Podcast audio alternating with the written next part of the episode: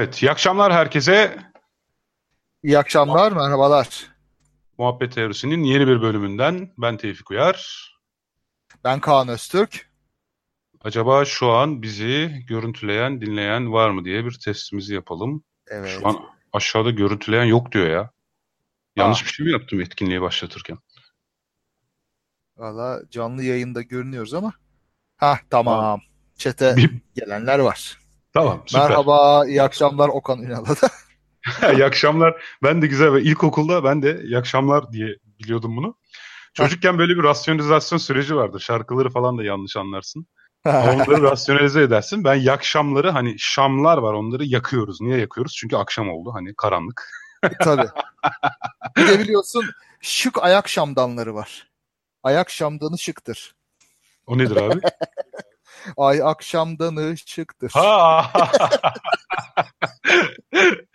Çocukken kız kardeşim de bana gelmişti. Abi kondil ne demek demişti. Kondil mi demiştim. Kondil ne ya? Nerede duydun demiştim. Bir kar tanesi kondilimin ucuna diye.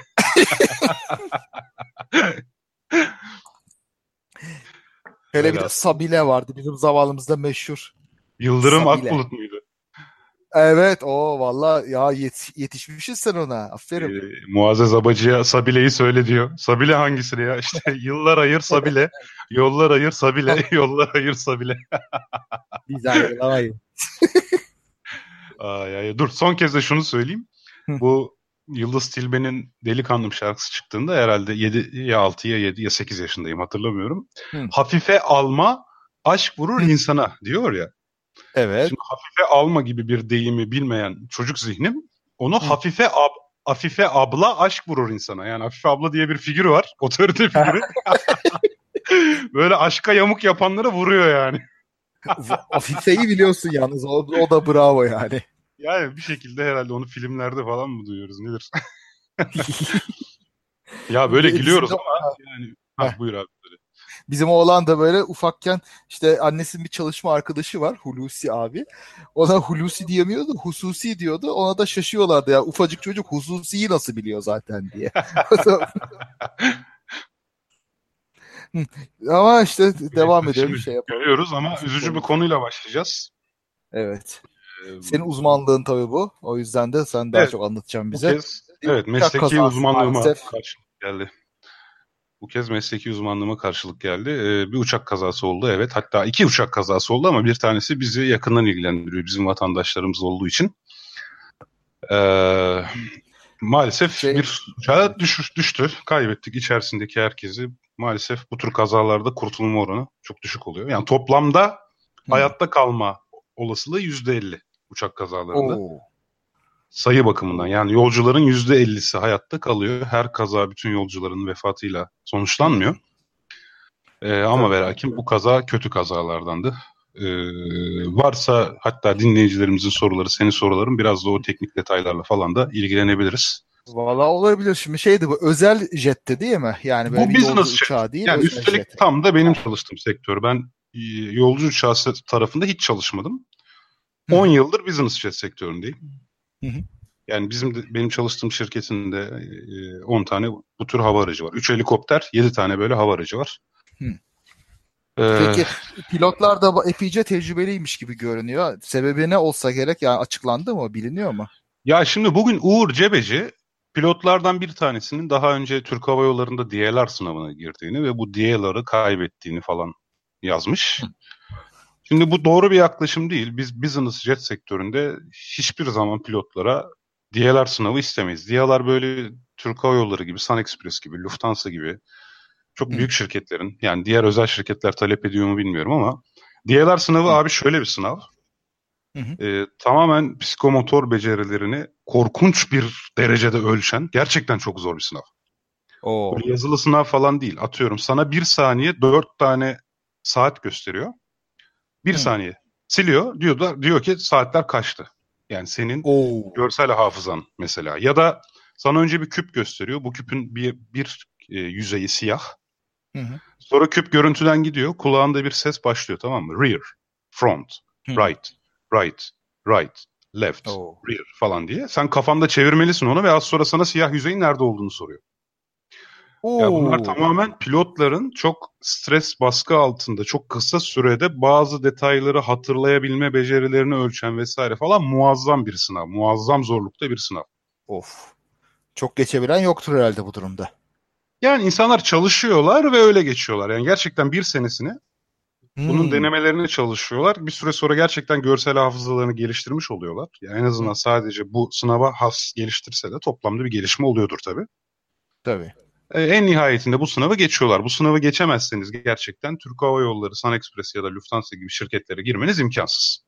Oo o kadar anladım. Evet ama diyeceksin ki DLR sınavını zorunlu tutan hava yollarıyla tutmayan hava yollarının kaza istatistikleri nasıl? Aralar hmm. anlamlı bir fark yok. Hmm. Anladım. A- yani. Benzer uçaklarla karşılaştırma yaparak herhalde. Yani. Tabii benzer uçaklarla karşılaştırma yaparak söylüyorum. Yani mesela hatta bak şu an bir kursa gidiyorum ben ikinci gün bu. Bir yönetmelik değişti. Ben de şimdi beş günlük bir kursa katılmak zorundayım. Hı. İşte kursta bize Türkiye'den SAFA denetçisi şunu anlattı. Mesela hani Afganistan Hava Yolları diyoruz. Evet pek çok açıdan hani e, bu standartları yakalayaması da hani hakikaten 35 senedir Afganistan Hava Yolları'nın bir kazasını duydunuz mu? Ha. Anladım. Ya tabii buradan şey çıkmasın, emniyet önlemleri gereksizdir vesaire çıkmasın veya olay sadece kaza boyutunda değil. Yani bazen hiç duymadığımız, dikkatimizi cezbetmeyen kırımlar oluyor. Pistten çıkma, kanadı hmm. yere sürtme, kalkarken kuyruğu çarpma. Biz sadece sonu çok dramatik biten olayları duyuyoruz. Veya kamuoyuna onlar yansıyor basına. Onlar sansasyon tabii. oluyor. Halbuki diğerleri de e, birer sonucu. Yani o kırım istatistiklerine bakarsak belki bir fark oluşuyordur. Şu an ezbere konuşmayayım. Hı hı. Peki ee, şey de olabilir belki şimdi biraz da haddini bilmek ve yapamayacağı şeye çok da yeltenmemek gibi bir ölçülülük de olabilir öyle e, sistem öyle pilotlarda o tür hava yollarında olabiliyor Şimdi mu? emniyet kültürü dediğimiz olgu çok önemli bu işlerde. Yani şirkette bir emniyet ihlaline nasıl yanıt veriliyor? Bu tür haddi aşan hareketler yapmak moda ve övünme unsuru mu? Yoksa şirketten dışlanma unsuru mu? Hmm. Bu tür şeyler önemli. Eskiden özellikle böyle sivile hava kuvvetlerinden çok yoğun geçişler yaşandığı ve henüz böyle çok Avrupa'daki uluslararası emniyet ve kalite sistemlerine entegre olmadığımız yıllarda e, tuhaf maço pilotluk dediğimiz davranışlara rastlıyorduk. Ya, uh, tabii. Ya eminim pilotlukta bu maçoluk kültürü çok çok kuvvetlidir. Artık değil. Yani gerçi eskiden öyleymiş ama gerçekten artık bir emniyet kültürü var. Hatta ben şu anki eğitimime Türk Hava Yolları'nda katılıyorum. Türk Hava Yolları'nın eğitmenlerinin ve içeride yerleşik kültürünün bu kadar ileri olduğunu tahmin etmezdim. Benim çok hoşuma gitti yani iki gündür. Oo, bravo. Konuştuklarımız, ettiklerimiz falan. Şimdi e, mesela şundan da bahsedeyim. Şimdi bugün Uğur Cebeci öyle yazmış ama bu, bu bilginin bir önemi yok. Öte taraftan rahmetli pilot hanımefendinin kız kardeşi e, bu uçak daha önce üç kere arıza yaptı zaten. E, kardeşim de bu uçakta uçmayacağım diyordu vesaire demiş. Daha önce üç kere arıza yapmış olması da bir argüman değil. Uçaklar sürekli arıza yapar. Hı hı, Ve siz de onarırsınız. Yani burada arızanın mahiyeti önemli. Bir de bu devirde bu kadar sıkı denetim altında artık Avrupa Havacılık ve Uzay e, Havacılık Emniyet Ajansı'nın da bir üyesiyiz. Yani sadece yani şey artık denetim ağı çok karmaşık. Böyle şeyler kolay kolay yapamazsınız. Yani uçağın bakımını hmm. yaptırmayın ben. E, uçakta hatalı bir şey varsa gizleyim falan çok kolay yapılmaz. Hiç yapılmaz demiyorum. Her zaman bir yerlerde mutlaka ihlaller ve ihmaller olur. Hı hı. Ama yani öyle bir şey o kadar kolay değildir yani. Öyle değil. Tamam. Yani neyin ne olduğunu kaza raporuyla göreceğiz. Ee, şimdi kazayla ilgili şeyler de var. İşte kazadan evvel önce bir yükselme, irtifa artışı istemiş saha kontrolden pilot. Hı. Daha sonra kısa bir süre sonra irtifa düşme istemiş. Yani 32 binden 34 bine çıkmak istemiş önce. Sonra 30 bine tekrar inmek istemiş. Bunu istedikten kısa bir süre sonra da çok şiddetli bir şekilde aşağıya dalış yapmış ve daha çarpmış. Benim Oo. tahminim bak tamamen spekülatif konuşuyorum. Uçak kazalarında rapor ortaya çıkmadan hiçbir şey konuşulmaz. Ama tahminimi söylüyorum. Zannedersem CB dediğimiz tarzda çok tehlikeli bulutlar vardır. Bu bulutlarla karşılaştığınız zaman bundan kaçınma manevraları istersiniz. Hmm. Galiba kaçınamamışlar. Eğer kaçınamayıp da bulut içine girmişlerse tıpkı daha önce Air France olduğu gibi pitot tüpünün tıkanmasından dolayı ya da bir şekilde de-icing yani kanatın buzlanmasını önleyecek yerde bir sıvı çalışması yapılır. De-icing alınmamışsa da CB içerisinde kanat buzlanmış olabilir. Hmm. Böyle durumlarda uçak tutunma vasfını yitirir, tutunma kaybına uğrar ve bu tür kazalar olabilir. Anladım. Hmm. Benim bu, tahminlerim bu yönde. olmuş şeylerdir tahminimce. Tabii tabii yani maalesef. Bakalım artık göreceğiz herhalde raporda ne çıkacağını. Muhtemelen haklısındır tabii bu geçmişteki şeylerden ama. Ya tamamen bambaşka bir şey de çıkabilir. German Wings için de o kadar yorum yaptık. Yardımcı pilotun intihar etti ortaya çıktı. Yani şimdi bazen oh. hiç bilmediğin hatırlamıyor musun bu 3 sene önce falan? Dur şimdi çıkaramadım. Neydi bir hatırlatsana. Belki dinleyenlerimiz German, German Wings'in bir uçağı düştü. Hı O zaman da hatta televizyona canlı yayına bağlanıp o zaman da bazı yorumlarda bulunmuştum diye hatırlıyorum yanlış hatırlamıyorsam. Ama yine tahminlerimi söylemiştim ve rapor çıkmadan hiçbir şey bilemeyeceğimizi söylemiştim. Hı, evet. Ve daha sonra şu ortaya çıktı. Yardımcı pilot, kaptan pilot tuvalete gidince kilitliyor kapıyı. Uçağı ha, Anladım, hatırladım şimdi. Kendisiyle beraber herkesi öldürüyordu. Maalesef. Ve bugün o yüzden mesela bütün prosedürler değişti. Artık bir pilot tuvalete giderken yerine kabin amirine oturtmak durumunda. Of. Hiç hiçbir ilginç. pilot kokpitte yalnız kalamıyor artık. Yani yayınlanan EASA, EASA Advisory Circular'la biz artık yani bizim hava yollarımızda bu bizde geçerli değil. Bizde kokpit kapısı yok zaten bizim uçaklarda. Ama Öyle büyük mi? hava evet. Bizimkiler business jet. Biz bizimkiler biraz daha farklı ama Aha, ha, tamam bizimkiler derken öyle tamam oldu. Ha yok Türkler değil ya. Bizim o ufak çaplı uçaklar işte. İş Anladım. jetleri yani. Anladım. Hı. Velhasıl Peki. işte durum bu. Şimdi tabii bizim burada konuşacağımız mevzu o değil. Biz biraz biliyorsun Hı. bu e... ben bir de şunu merak ediyorum ama ya yani başka şeye Peki geçmeden şimdi e, bu tabii burada ölümler oldu. Çok da korkunç şeyler oldu ama çok acayip tepkiler, çok acayip yorumlar da geliyor böyle. Bir nefret kusan ne bileyim neredeyse sevinen yorumlar falan da geliyor. Ben bunu hiç anlamıyorum ha. Nasıl bir şeydir bu? Ne bir empati yoksunluğu mu? Bir şey mi? Nasıl bir nefret var? Ben de çözemediğim bir şey. Şimdi hazır empati demişken oraya şöyle bir yıldız koyayım. Bu hafta bir empati ile ilgili bir araştırma gözüme çarptı. Gözüme çarptı dersem hatta şey olur. Burak Kesayak gönderdi. Ee, o yüzden ondan sonra gözüme çarptı. Yani okudum ve burada konuş konuşmasının hoş olacağını düşündüm. Şimdi Twitter ne e, güzel bir şey. yo yo şey Facebook'tan gönderdi. Onu da düzelteyim şimdi hastalık işte. Ha. Neyse e, şimdi yorumlara baktığımız zaman ya her şeyden önce genel bir problemimiz var tamam mı? Empatiyi falan bir kenara bıraktım. Daha önce ben bunu antisosyal medya başlığıyla böyle HBT'de falan da yazmıştım. Evet. Yani antisosyal bir medya, medya söz konusu şu an sosyal medyada. Evet, yani evet. normalde şurada seninle yüz yüzeyken yüzüne söyleyemeyeceği cümleyi tamam mı? Nasılsa anonim bir profilin altın arkasına gizlenme. Hatta anonim profili bırak yani kendi profili bile olsa sosyal medyada rahatlıkla telaffuz edebiliyor. Evet. Çok garip. Şimdi korkunç bir şey bu. Bir kere şey olmuştur. Bizim bir takvim projemiz vardı. Böyle dört kişi güzel bir proje yapıyoruz. Yakında duyuracağım demiştim. Adam bana cevaben grup porno yapmıyorsunuz değil mi demişti. ya şimdi yani yanımda olsa tamam mı? yanımda olsa bunu söyleyemez. Yani ağzının üzerine insanın bir tane vurası gelir affedersin. Tamam mı? Ama orada o Tabii. sosyal medyada bir şeyin hani uzak olmanın avantajıyla falan bu antisosyallik ya bu sosyal leşememek bu. Bu toplum içinde nasıl konuşacağını bilememek falan. Sen ne diyorsun yani? Belki o dört kişiden e, bir kişi bundan incinecek edecek falan. Neyse bu mevzuyu geçelim. Evet. İkincisi ya, mesela bak, şimdi Özgür bak, Mumcu'nun abi sen söyleyeceksen bölmeyeyim de. Mesela şimdi Özgür ya, Mumcu var ya rahmetli Uğur Mumcu'nun oğlu. Evet. Mesela onun yazdığı tweetlerin altına bak. Babanı nasıl öldürmüşler? Evet. Oh seni de ya abi nasıl böyle bir ya şey bilir insan ya? Ya iğrenç bir şey. iğrenç şeyler. Yani bayağı bir herhalde derisi kalınlaştırmıştır adamcağızın böyle şeylerden ama ya sonuçta çok iğrenç şeyler bunlar. Ya inanılmaz. Ya benim de benim de şey e, ilginç bulduğum bir şey ya hipotezde bulunacağım tamam mı? Yani sosyal bilimlerden pek anladığımdan değil ama bana nasıl geldiğini söyleyeyim. Biz hani e, davranışsal olarak böyle şeylere alışık değiliz bak. Hep daha önce de söylediğim. Biz işte 50-100 kişilik gruplarda en fazla iletişime alışığız ya. Şimdi milyonlarca kişiden değişik değişik inputlar gelmesi bize aykırı geliyor. Şimdi bu e, kötü tepkilerde de biraz öyle. Mesela adam böyle kendi küçük dünyasında takılırken birdenbire böyle bir uçak şeyi geliyor. Uçakta öldüler falan gibi. Sanki böyle kendi mahallesindeki hayta grubunda takılıyormuş gibi aa vay iyi olmuş be pis zenginler falan gibisinden bir şey, cevap çıkartabiliyor ağzından. Çünkü o lafın kim tarafından görüldüğü, nereye gittiği falan gibi şeyi idrak edemiyor. Zaten Edemiyor şeyde, mu sence gerçekten? edemiyordur. edemiyordur. Yoksa gerçekten edemiyordur. doğru düşündüğüne mi inanıyor?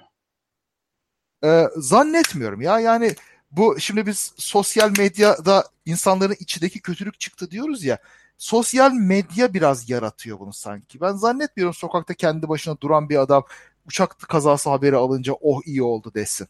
Yani normalde hayatımızda görmediğimiz bir şey bu. Umursamayabilir. Ya bana ne ya zenginler eğlenmeye gitmiş ölmüş diyebilir. Ama oh olsun bilmem ne falan demiyor adamlar.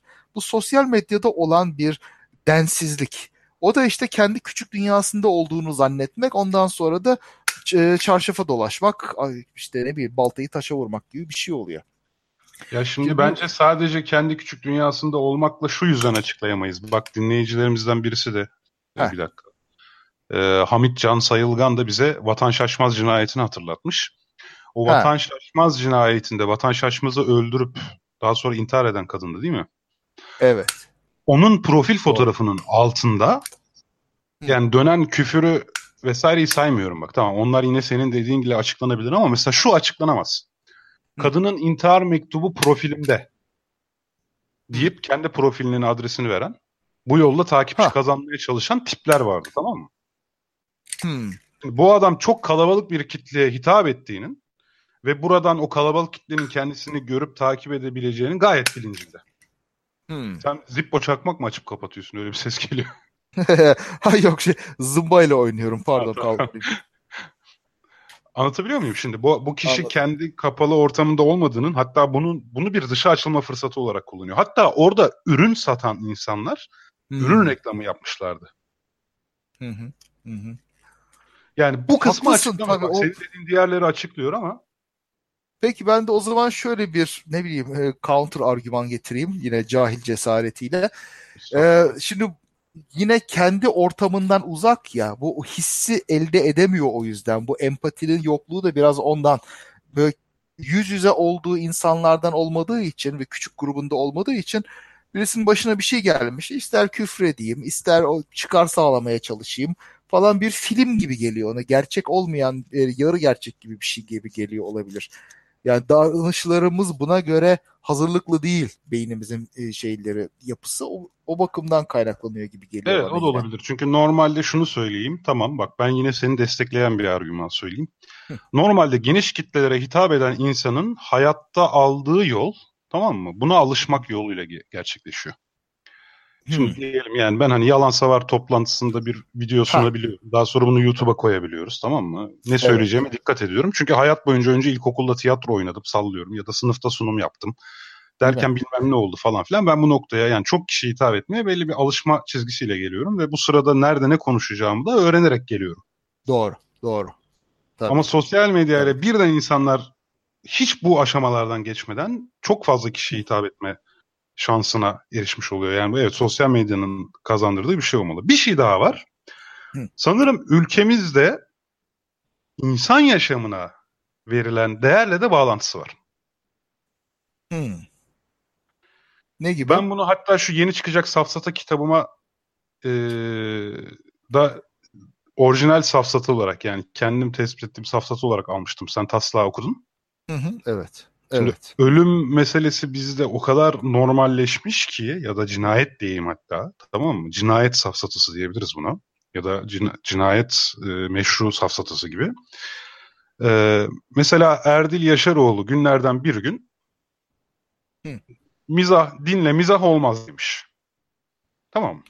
Hı. Karikatürist biliyorsun. Sonra Evet, gün evet. geldi Erdil Yaşaroğlu Charlie Hebdo karikatüristlerini öldürdü ya IŞİD'liler. Evet. O gün bunu kınayan bir şey yazdı. Hı. İnsanlar ona cevaben ama sen dinle mizah olmaz diyordun diye Hı. hatta onun o yazdığın ekran resmini paylaştılar. Buradaki mantık Hı. hatasını görebiliyor musun? Adam Tabii dinle şimdi mizah din- olmaz dediği için o kişilerin öldürülmesi karşısında ses etmemesi gerektiği çıkarımına ulaşıyor. Evet değil mi? Yani bu tamamen Bak, çarpık bir şey, bir şey. korkunç bir şey. Bak korkunç bir şey. Yani birini beğenmiyorsan bir Hı. şey e, yapabilir misin? Onun öldürülmesine ses çıkarmaman hatta onun öldürülmesini desteklemen gerekiyormuş gibi. Neden bu da işte hakim söylem. Hakim söylem hep karşı tarafı tamam mı? Ölümle tehdit eden. Hı hı. insanların birbirini yani bu dolayısıyla şimdi tutup da bir yerde Yani- tırnak içinde söylüyorum zengin birileri uçağıyla düşüp şey yapınca sosyal adaletin zayıf olduğunu düşünen bu dünyada zenginlik ve fakirliğin adaletsizlik sonucu olduğunu düşünen kişi de tıpkı Charlie Hebdo az önceki Erdil Yaşaroğlu örneğinde olduğu gibi tamam mı? Ölmesi gerektiğini Ölmeyi zaten bunun ölümüne sevinilmesi gerektiğini ya da bunun ölümüne Tabii. üzülmemesi gerektiğini. Yani burada insan yaşamı bir faktör değil anlatabiliyor muyum? Ya işte tabii bu e, onun da orada ne işi varmış sapıklığı da yani korkunçluğu da bunun bir yansıması.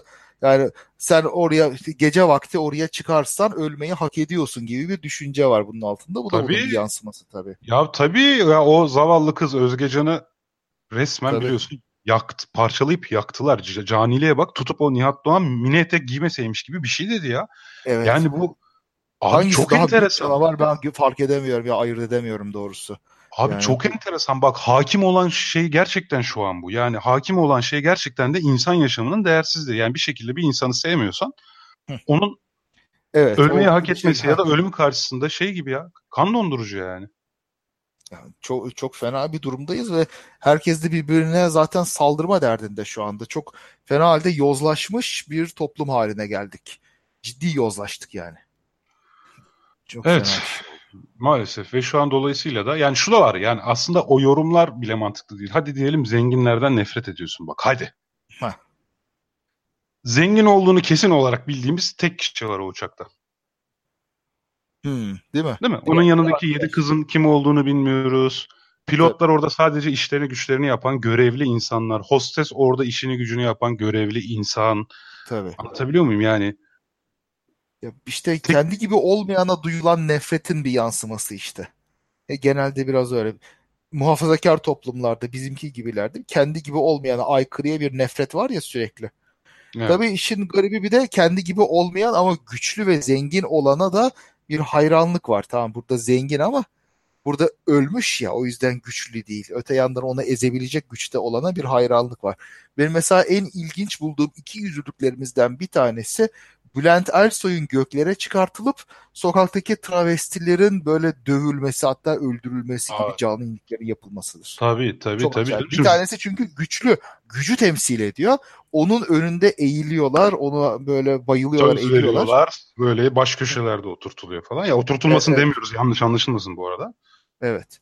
Yani tamam o her, her insanın e, hak ettiği asgari saygının gösterilmesi elbette lazım. Evet yani Ama sanatı sen- dolayısıyla vesaire falan. O başka mevzu. Bir yandan yani başka insanları sadece farklı cinsel yönelimi olduğu için ölüm, ölüme layık görürken buna nasıl aşırı bir tapma şeklinde bir saygı gösterebiliyorsa anlayabildiğim bir şey değil bu.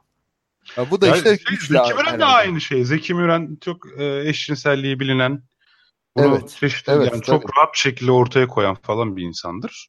Zeki Müren'e kimse yani homofobik olan hani akrabaların bile sanat güneşi diye böyle şey Evet.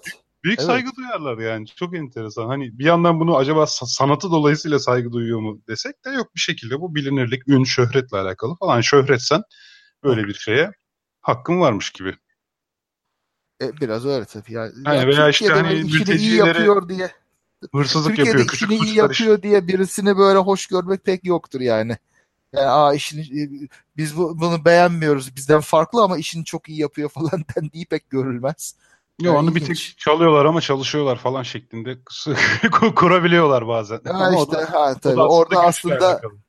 ba- e, bi- bize de komşuda pişer bize de düşer gibi bir şey var onun altında bak mesela. Evet, evet, evet, evet. Yani onlar çalsın da ben de onlara yanaşayım belki ben de bir 3-5 kaparım şeyi vardır bize o şeyler. Evet, evet, evet. Kleptokrasi, kleptokrasinin standart özelliği diyelim. Şimdi tabii artık şu e, şeye de gelebiliriz.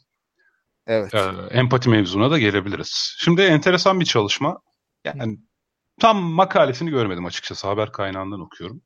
Veya belki de bu tekrar edilmeye muhtaçtır her çalışma gibi. Daha sağlam Hı hı. olabilmesi için. Şimdi haberin detayları şöyle. Ee, çalış örneklem bayağı büyük. 46 bin kişi. Hı. Hali hazırda bir 46 bin. e, genetik e, daha doğrusu bir gene, yani Cambridge Üniversitesi'nde bir doktora öğrencisinin doktora çalışması. Bu hocasıyla beraber T- 23andMe diye bir genetik şirketiyle ve bir otizm merkeziyle ortak yapılıyor çalışma. Hı hı. E, 46 bin kişiden salya örneği alınıyor ve 46 bin kişiye EQ testi yani empatik zekayı ölçen testten uygulanıyor. Hı. On- 15 yıllık bir test. Şimdi belki empatiden biraz bahsetmek lazım. Empatinin iki boyutu var. Hı. Bir tanesi başkasının duygularını anlama boyutu. Yani bir başkasının bir olay karşısında nasıl hissedebileceğine Hı. e, dair tahminleme gücü diyelim. Evet. İşte yani Yani e, ben mesela sana böyle ne bileyim iftira atan bir tweet gördüm bugün. Tevfik bunu görmüştür, üzülmüştür falan dedim. O zaman bu bunu işletiyorum gibi oluyor. Evet ya da az önce Anladım. bahsettiğimiz mevzular. Özgür Mumcu'ya birisi öyle söylediği zaman Özgür Mumcu'nun ne kadar kızabileceğini anlamak ya da Heh. işte kardeşini kaybeden bir adamın e, cenaze sırasında söyleyebileceği şiddetli sözlerin Evet. o anki öfkeyle ve nefretle söyleyebileceği. Hatta yani çoğu zaman filmlerde intikam duygusuna kapılır mısın? Hmm, ne gibi? Bir karakter Ha tabii o tabii. Mesela karakteri Ama kötülük o- onunla ilgili böyle onunla beraber manyak bir empati duyarsın. Böyle intikam almak için. Sonunda o intikamını alınca sen de rahatlarsın. A- Abi şey Kızıl Düğün diyorum başka bir şey demiyorum. Red Wedding. Şey Game of Thrones seyrettiysen. Oo evet ya of of of of. Neyse izlemeyenler için spoiler olmasın boş ver. Ha yok. O, zaten o spoiler'dan kaçamıyorsun. Ben çok sonra seyrettim yani biliyordum yani bir şekilde yakalıyorsun. Neyse ben biz söylemeyelim. Ama o dediğin duyguyu işte orada yaşadım. Biz olmayalım. Hasılı kelam. Buna biz bilişsel empati diyoruz. Bu bilişsel empati. Okey. Evet, bu bir bilişsel bir yetenek çünkü. Tamam. Aslında diğeri de yetenek de. Bir de afektif yani hissi empati olarak çevirebileceğimiz bir empati türü daha var. Ha. Bu da Onun hissini içimizde hissetmek mi oluyor bu da? yok bu biraz sosyal bir yetenek. Bu bizim beceremediğimiz yetenek. Tamam mı? Muhtemelen senin benim beceremediğim yetenek yani. Bu da şu Anlat bakalım. birisine bir e, tepkide veya yanıtta bulunduğumuz zaman onun ayarını kaçırmak. Ya da şöyle söyleyeyim hani birisi bir şey söylüyor bazen bize. Biz bilim insanı olarak bunu çat diye düzeltiyoruz. Hı. Ama şunu Hı. anlayamıyoruz. O düzelttiğimiz zaman e, aslında onu rencide etmiş olabileceğimizi Hmm. tamam mı? Tamam. Anlayamıyoruz. Yani başkalarına doğru duygusal ayarla yanıt veremiyoruz. Hmm. Bu afektif, Tamam. bu etkileşimli bir empati. Birine bir şey E, Şöyle söylerken diyelim mesela hasta bir amca böyle e, Allah'a dua ediyorum ha, böyle hastalığımı iyileştirsin diye diyor e, diyor o. Biz de diyoruz ki duayla olmaz o iş ilaç alacaksın yani o ilaç almadan düzelmez. Böyle olunca olmuyor işte o empatiye sahip olmuyoruz demektir. Öyle mi demek istiyorsun? bir anlamda öyle ya da işte birisiyle hatta çoğu zaman şunu da yapamıyoruz. Birbirimize hatırlatıyoruz. Biriyle bir tartışmaya girdin. Hı. O kişinin artık hayatta fikrini değiştiremeyeceği, fikrini değiştirebilse bile değiştiremeyeceği. Çünkü herkesin önünde rezil olmaktan korkabileceğini falan algılayamıyoruz. Hmm. Ben bile şeyi çok algıladım. Astrologlarla tartışıyorum. Çok geç idrak Hı hı. ettim şunu. Ya ben niye tartışıyorum? 30 yılını astrolojiye vermiş birisi benim 3 argümanımla ikna mı olacak yani? Ya yok tabii. Haliyle benim benim yani şu şu yalandır bu yalandır dediğim her şey üzerine alınıyor. Onun için hakaret gibi oluyor hatta. Bunu Hı ben hı. kendime yapıldığında çok iyi hissediyorum. Yani e, birisi bana çok iyi olduğu uzman olduğumu bildiğim bir hususta bir ka- karşı çıkıyor. Yani belki uzman değilim ama sonuçta ben kendimi öyle tanımlıyorum ve ben bu işe yıllarımı vermişim. O acayip sinirlendiriyor beni. Ve Ha, onun da haklı çıkma olasılığı tamam mı? O an seni korkutuyor. Neyse bunlar önemli değil. Yani demek istediğim bunun iki yönü var. Ee, empatinin iki bileşeni var. Şimdi empatiyle ilgili daha önce yapılan çalışmalar kadınların erkeklerden daha empatik olduğunu ortaya koymuştu. Hı hı. Muhtemelen bu biyolojinin onu anne olarak hazırlamasıyla alakalı bir şey. Hı hı. Şimdi bunu söyleyince de feminist lincine uğramayalım. İkincisi Hı. otistikler afektif empatide sorunsuzlar ama bilişsel empatide zayıflar. Öyle mi? Afektif empatide sorunsuzlar öyle mi? Evet. Yani başkalarına Ha, bir yani benim bu söyleyeceğim şey onu kırar. O yüzden ben bunu söylemeyeyim diyebiliyorlar. Yani onu yapabiliyorlar. O konuda sorunsuzlar ama bir başkasının bir durum karşısında ne hissedebileceğini tahayyül etmede probleme yani şeye sahipler. Düşük. Düşük E, empati. Peki bu, e, biri olmadan öbürü oluyor mu ki? Nasıl olacak? Yani Oluyor bizde de biri var işte bilişsel empatin senin çok iyi. Afektif empatin yok senin de. Tamam. O o du- şeyle kendi duygumla ilgili bir şey ama afektif empati olması için bilişsel empati lazım değil mi? Ben karşıdaki adamın ne hissedeceğini bir anlayayım da ona göre mesela ona saygı duyup tamam susayım diyebileyim. Uzmanı Yani değilim. şeyde- Tahminimi söylüyorum. Bizim Ha. içerisinde olduğumuz bir etkileşimde nerede ne söyleyeceğini bilmek Hı. tamam mı? Bu muhtemelen beynin farklı bir tarafında yönetiliyordur. Bir hikaye roman okurken, bir film izlerken ya da sosyal medyada bir tartışmaya, bir haberde bir şeye rastladığında kendine o kişinin yerine koyup onunla aynı duyguları, acıları anlayabilmek ve hissedebilmek Hı. bu muhtemelen başka bir yetenek ya baş beynin başka bir tarafındadır diye tahmin ediyorum bak. Peki, okey. Anladım. Yani, eee, Peki. şey gibi bir şey yani bir senaryo, Tamam. bir romanda bir diyaloğun ne kadar iyi olmasına çok iyi başarıya olabilirsin. Bu konuda eleştiri getirebilirsin Tamam. ama kendi hayatta kurduğun diyaloglar o kadar iyi olmayabilir. Hı, peki. Tamam Peki. anladım. İkincisi Doğru. de şimdi tek yumurta ikizlerinin empatik yetenekleri çift yumurta ikizlerine göre birbirine daha benzer. Eh haliyle. Ha, bir genetik Şimdi bu tabii aynı yani bu ortamda yetiştikleri diyeceğim ama gerçi çift yumurta ikizleri de aynı ortamda yetişiyor. Neyse kısacası bu üçünden yola çıkan araştırmacılar acaba bunun genetik faktörlerle bir alakası var mı diye merak etmişler. Hı hı. Hı hı. Çünkü bakıyorsun kadınlar erkeklerden empatik, otistikler zayıf, tek yumurta Evet. ikizleri çift yumurta ikizlerine göre daha benzerler. Hı hı.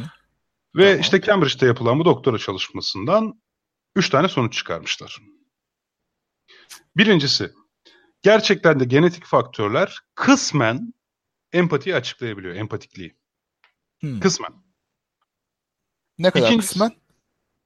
Valla et ten top demiş. Onda bir demiş. Tam onda birle ama neyi kastettiğini anlayamadım. Bu istatistikler konusunda biraz şeyizdir. Ee, işte hava %50 yağmurlu bugün ne demek? Günün %50'sinde mi yağmur yağacak?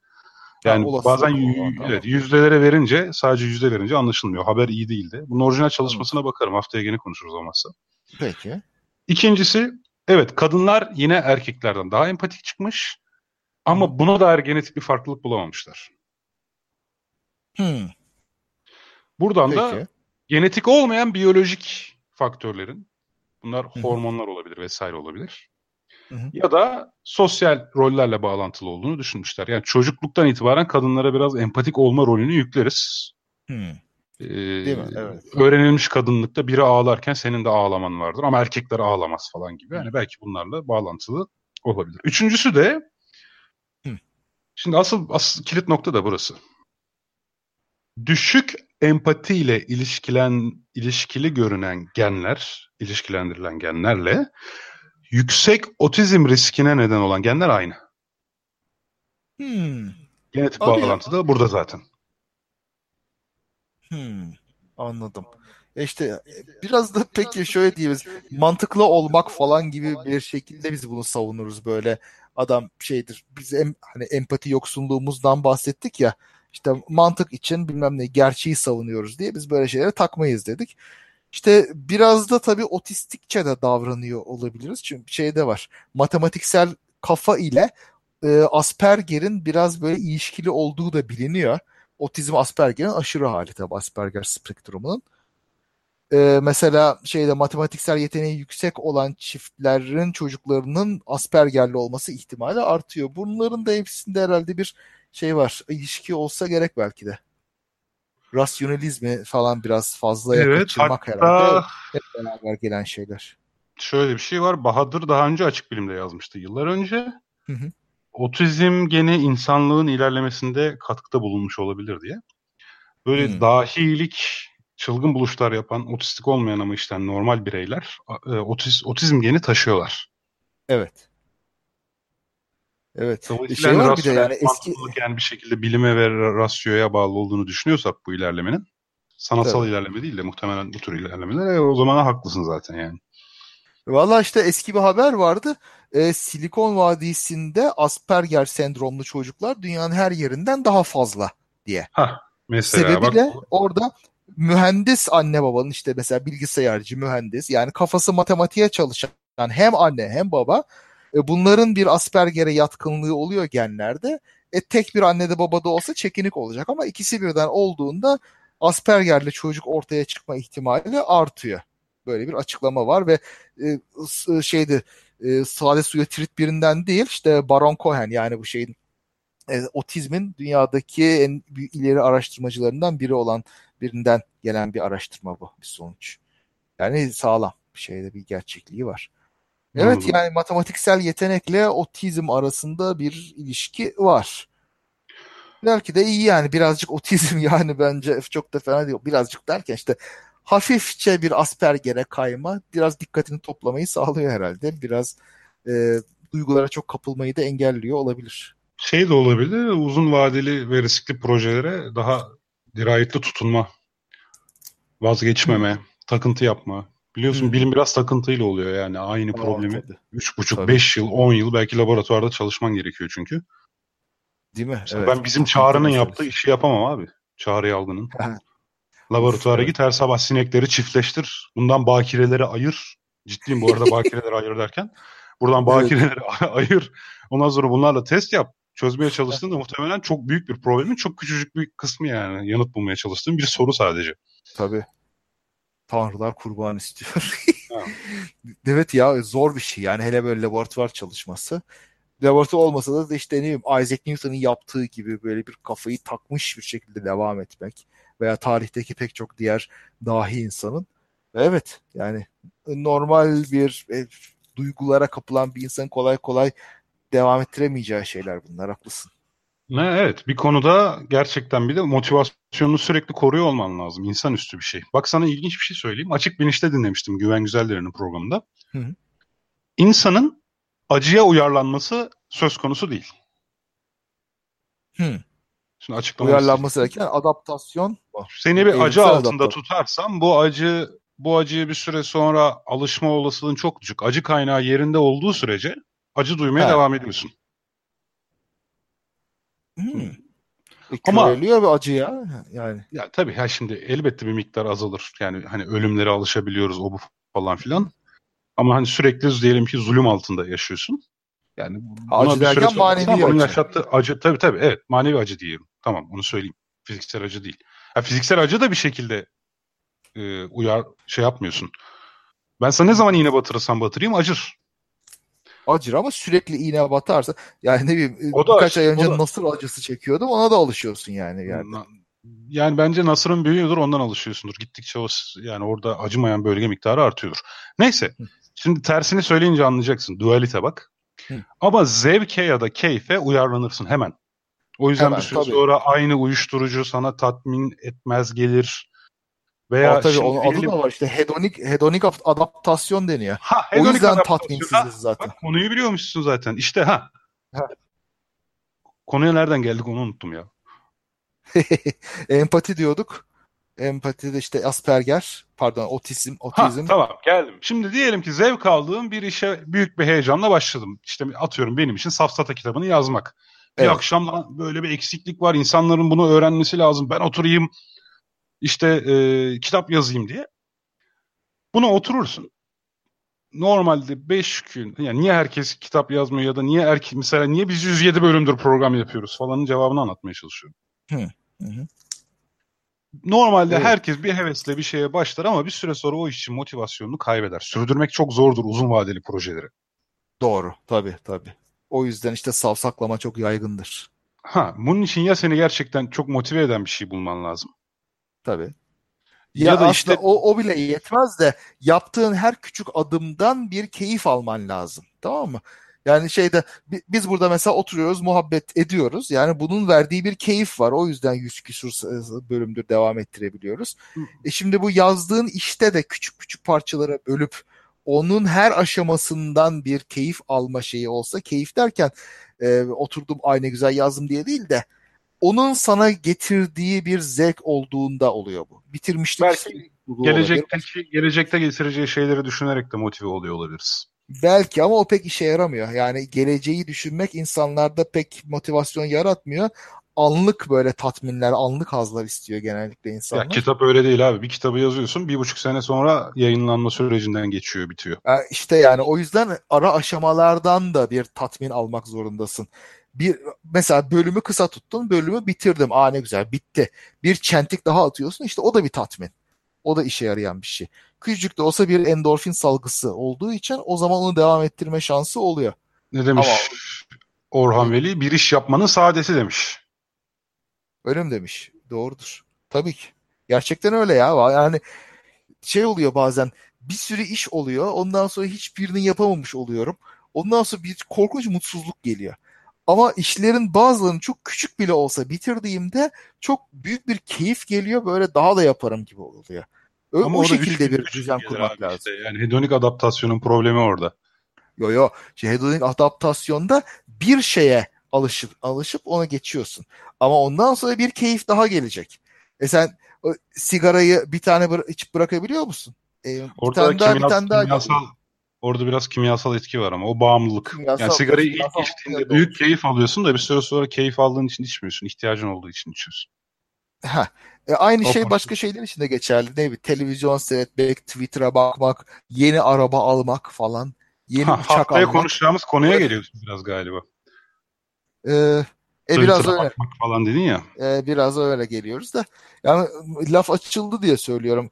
Hedonik adaptasyon başka bir şey bir şey çok istiyorsun, elde ediyorsun ama ondan sonra hiç elde etmemiş gibi e, devam ediyorsun. İşte çok zengin olsam, böyle mesela 1 milyon liram olsa. Peki el, elde ettim 1 milyon lirayı. E tamam bir şey değişmedi. Şimdi bir daha olsun. Oturup da böyle onun keyfini almak yok. Şimdi mesela bakıyoruz şimdi hayatımıza. E, sıcak bir evim var. Ailem var. Kucağımda kedim var. Aa tamam mutluyum. Daha ne isteyeyim diyebilirim. Hmm. Ama insanlar hep böyle daha da çok olsun, daha da çok olsun. İşte bir evim daha olsun, bir araba daha olsun. Aa, araba eskide iki sene geçti, bir tane daha alayım. İşte şey bu, hedonik adaptasyon biraz o. Evet, Aa, evet. Şu araba benim olsa ne güzel. Aldın oturdun bir sene sonra ay öbür araba ne kadar güzelmiş benim olsa.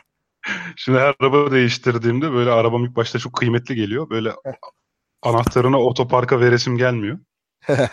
Ve böyle haftada bir yıkatıyorum falan. Ondan sonra 6 ay sonra bu etkiler ortadan kalkıyor yani. bir şey kalmıyor. yani, aynen. İşte şey var yani gerçekten de bu aç gözlülük çok fena. Şimdi bazıları için bu biraz e, insanlığı ileri götüren e, tepki falan gibi diyebilirler. Doymazlık sayesinde ilerlemişiz falan diyorlar. Ben pek katılmıyorum buna. Doymazlıkla ancak tahribata yol açıyoruz. Yıkıma ve üzüntüye yol açıyoruz. Başka bir şeye yol açtığımız yok. Yani ya keşifler yapıldı, icatlar yapıldı doymazlık sayesinde Şimdi, diyorsun. Aynı zamanda tahribata yol açıyoruz dersen daha doğru olur ama. Valla bilmiyorum. Yani Doymazlık e, ilerleme sağlıyor çünkü maalesef. Ne gibi mesela? Ya şimdi yani, olayı araba alma, ev alma gibi düşünme. Iler... Tamam, tamam mı? Do- ama bu sağladığı ilerlemeler de kendi başına e, faydalı olan ilerlemeler değil. Anlatabiliyor muyum? Yani ne mesela tamam, doymazlık. Peki niye şimdi mesela bilim filiği de katmaya çalışıyoruz. Açık Bilim Podcast kanalını büyütmeye çalışıyoruz. Ne kadar büyüse de daha büyüsün isteyeceğiz falan yani. Hı. Ekonomik bir gelirimiz de yok sonuçta buradan. Yani çok küçük bir kamu finansmanı kullanıyoruz ama hani reklam falan da almıyoruz. Hani mümkün olduğu kadar daha fazla program gelsin, daha çok insan dinlesin istiyoruz.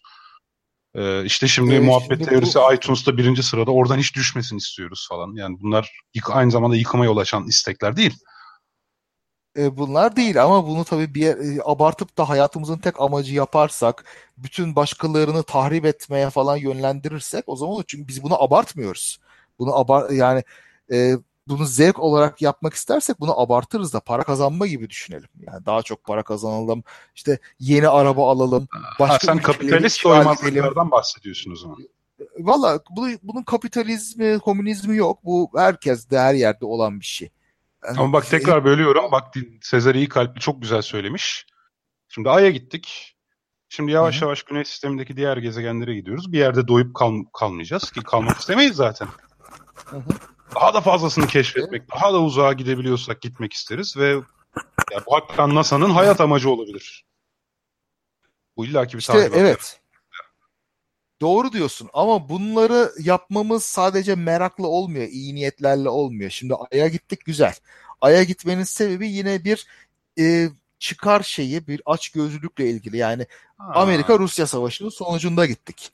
İnsanlığın merakı sebebiyle gitseydik başımla beraber. Yani gayet güzel, çok haklı olurdu. Amerika'ya niye gitti Avrupalılar? İşgal için, böyle e, şey için, altın elde etmek için, kölelik için vesaire için, toprak kapmak için. E, Bütün bu ilerlemelerin pek çoğuna baktığında aslında yine açgözlülük, yine yıkım amacıyla oluyor bu pek çoğu. Çok fazlaya kaçırdığında. Ya Tamam. biraz durup e, şey yap- elimizdekinin kıymetini bilelim diyebilmek lazım. Peki bana şey söyleyebilir misin? Ucunda hiçbir çıkar olmamasına rağmen yaşanan bir ilerleme. Ucunda hiçbir çıkar olmamasına rağmen. Zor ama e, Çok zor ama Belki- değil mi? Yani mutlaka belki vardır. aşılar diye aşılar diyebilirim yani.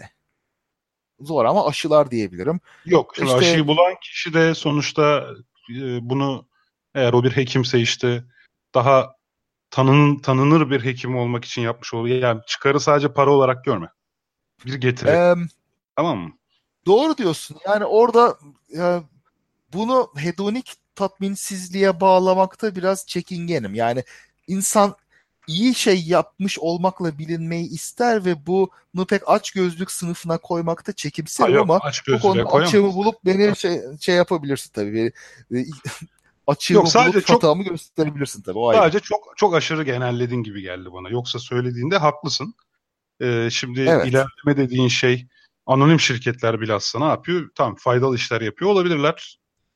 Ama aşırı büyüme sebebiyle yani hatta bir süre sonra bu anonim şirketlerin vicdanı var mıdır diye bir yazı yazmıştım yıllar yıllar önce.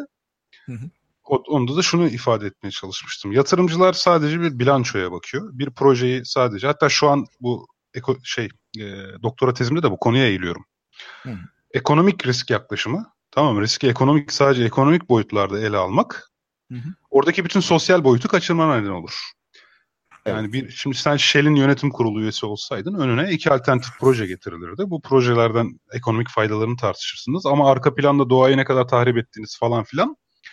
Eğer ki siz doğayı tahrip ettiğiniz için bir yerlerden size fatura ceza falan kesmiyorlarsa konunuz bile olmaz. Hmm. Evet. Aynen Tamam. öyle. Ha, bu konuda haklısın. Burada Shell'i çıkaralım yerine insanlık adına faydalı bir şey ürettiğini düşünen bir şirket de koysak Hı hı. tamam mı? Yani bir süre sonra olay rakamlardan ibaret oluyor. Ruhsuzlaşıyor. Tabii. Valla benim e, dediğin doğru. Fazla genellemek bunda doğru değil. Herhalde asıl eleştirim bu meşhur hikaye vardır hani o açıdan. Hani e, ad- adam Amerikalı turist gider böyle Karayip, Karayip adalarında tatile. Orada bir balıkçı görür. Böyle konuşur onunla. Ne kadar çalışıyorsun? İşte günde iki saat çalışıyorum. Ondan sonra akşamleyin çocuklarımla oynuyorum. Ondan sonra arkadaşlarla içiyoruz. İşte güzel uyuyorum. Sonra çıkıyorum ertesi gün bir daha balığa falan. E, diyor ki Amerikalı ya iki günlük çalışmayla olur mu böyle? Peki ne yapayım efendim? İşte sen şimdi çalış 8 saat 10 saat ondan sonra ne yapayım? İşte daha büyük bir tekne al daha çok avlan. Peki ondan sonra ne yapayım? İşte şirket kur ondan sonra Amerika'ya işte ithalat yap falan. Peki ondan sonra ne yapayım? Ha, ne yap? E ondan sonra yan gel yat canın istiyorsa her gün bir saat iki saat balığa çık. E ben bunu zaten yapıyorum şimdi diyor. Ha evet. Demek ki, Ki bu bak bu da anlattığından bir şey çıkıyor. Bu anlattığın bilimsel yönetim dediğimiz yönetim anlayışından Hı. böyle insan psikolojisini dikkate alan yönetim anlayışına geçiş vardır tarihsel bir aşamada. Evet. Oraya karşılık geliyor. İlk başta 1900'lerin başında Taylor Maylor zamanı bilimsel yönetim olgusu vardı. Evet. İlk defa yönetim bir teknik olarak ele alınmıştı. Hatta bu Taylor iş zaman etütleri falan yapmıştır. Bakmıştır ki herkes farklı ölçüde kürek kullanıyor. Hı. Küreğin ağzı büyük olunca böyle adam çok ağır olduğu için yavaş çalışıyor. Küreğin ağzı küçük olunca bu sefer hızlı çalışıyor ama az toprak atıyor. Üstelik erken yoruluyor falan. Adam böyle optimum kürek boyutunu falan bulmuştu. İslaman etütleri yapmıştı. Bir işçi bir toprağa kaç saniyede atıyor. O zaman günde 8 saat şey vardır falan. O zaman mesela çalışanların tamamının sadece para güdümlü olduğuna inanılıyordu. Evet işte Taylor Dolayısıyla bir de daha herkesin fazla iş makine görmekle meşguldür. Yani adam işte e, bir saatte şu kadar iş yapıyorsa 8 saatte bu kadar iş yapar diye lineer bağlantı kuruyordu herhalde. Tabii tabii tabii. Yani Ford'un Ford'un Bak- danışmanıydı Yani- zaten. Ha. Yani Fordizm. tabii insanlık çalışamıyor. Mü- Mümkün Evet. değil. Hele Şimdi- akı- fikir işi yani hiç o şekilde olmaz böyle. Fikir işçisiysen eğer hiç o şekilde çalışmak mümkün değil. O zaman fikir işçisi pek yoktu tabii. İşte sadece Taylor gibi yönetici sınıfı vardı. Şimdi buna klasik yönetim yaklaşımı diyoruz. Derken neoklasik yönetim yaklaşımı doğdu. Bu Hawthorne araştırmaları vardır meşhur. Hı. Böyle çok komik. Mesela işçiler için işçilere diyor ki sizin rahat çalışmanız için ışık şiddetini biraz arttırıyoruz diyorlar. Verim artıyor.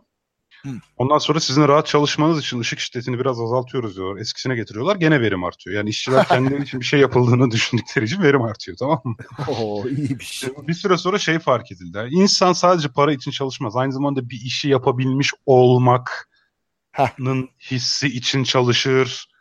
Bir kendini ispat etmek için çalışır. Başka motivasyonları vardır. İş tatmininin hatta şu bir süre sonra şu ortaya çıktı. Para insanın iş tatmininin kaynağı asla değildir. İşten ayrılmasının engelidir sadece. Hmm. Evet. Ya para Tabii. seni işten ayrılmanı engeller. İşten tatmin almanı sağlamaz. Aynen öyle. Aynen öyle. İşte bunu hala anlamayan pek çok iş yeri var oysa ki. Ha evet. Çok- Neyse çok şimdi onlar bir bir şey tarafa tamam mı? Yani onlar bir tarafa. Şimdi tabii ben bu- zaten bunu senin söylediklerinden aklıma gelmişti. Bunu bir yere bağlamayacağım da.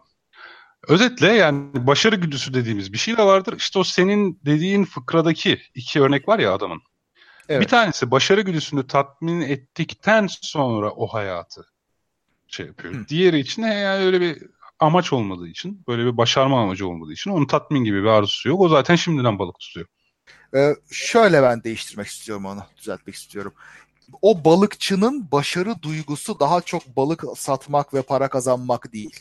Onun başarı duygusu hayattan kâm almak, ailesiyle ve çocuklarıyla vakit geçirebilmek, keyifli ve stressiz bir hayat yaşamak. Başarı o.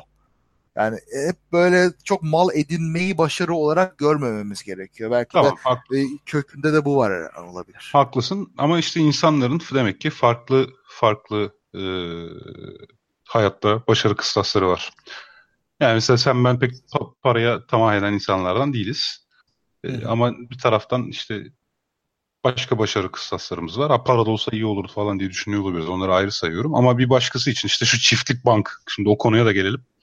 Bu arada süremiz doldu. Bilmiyorum dinleyiciler devam etmemizi isterler mi çiftlik bank konusunu? Şöyle küçük bir anket doldu. yapalım.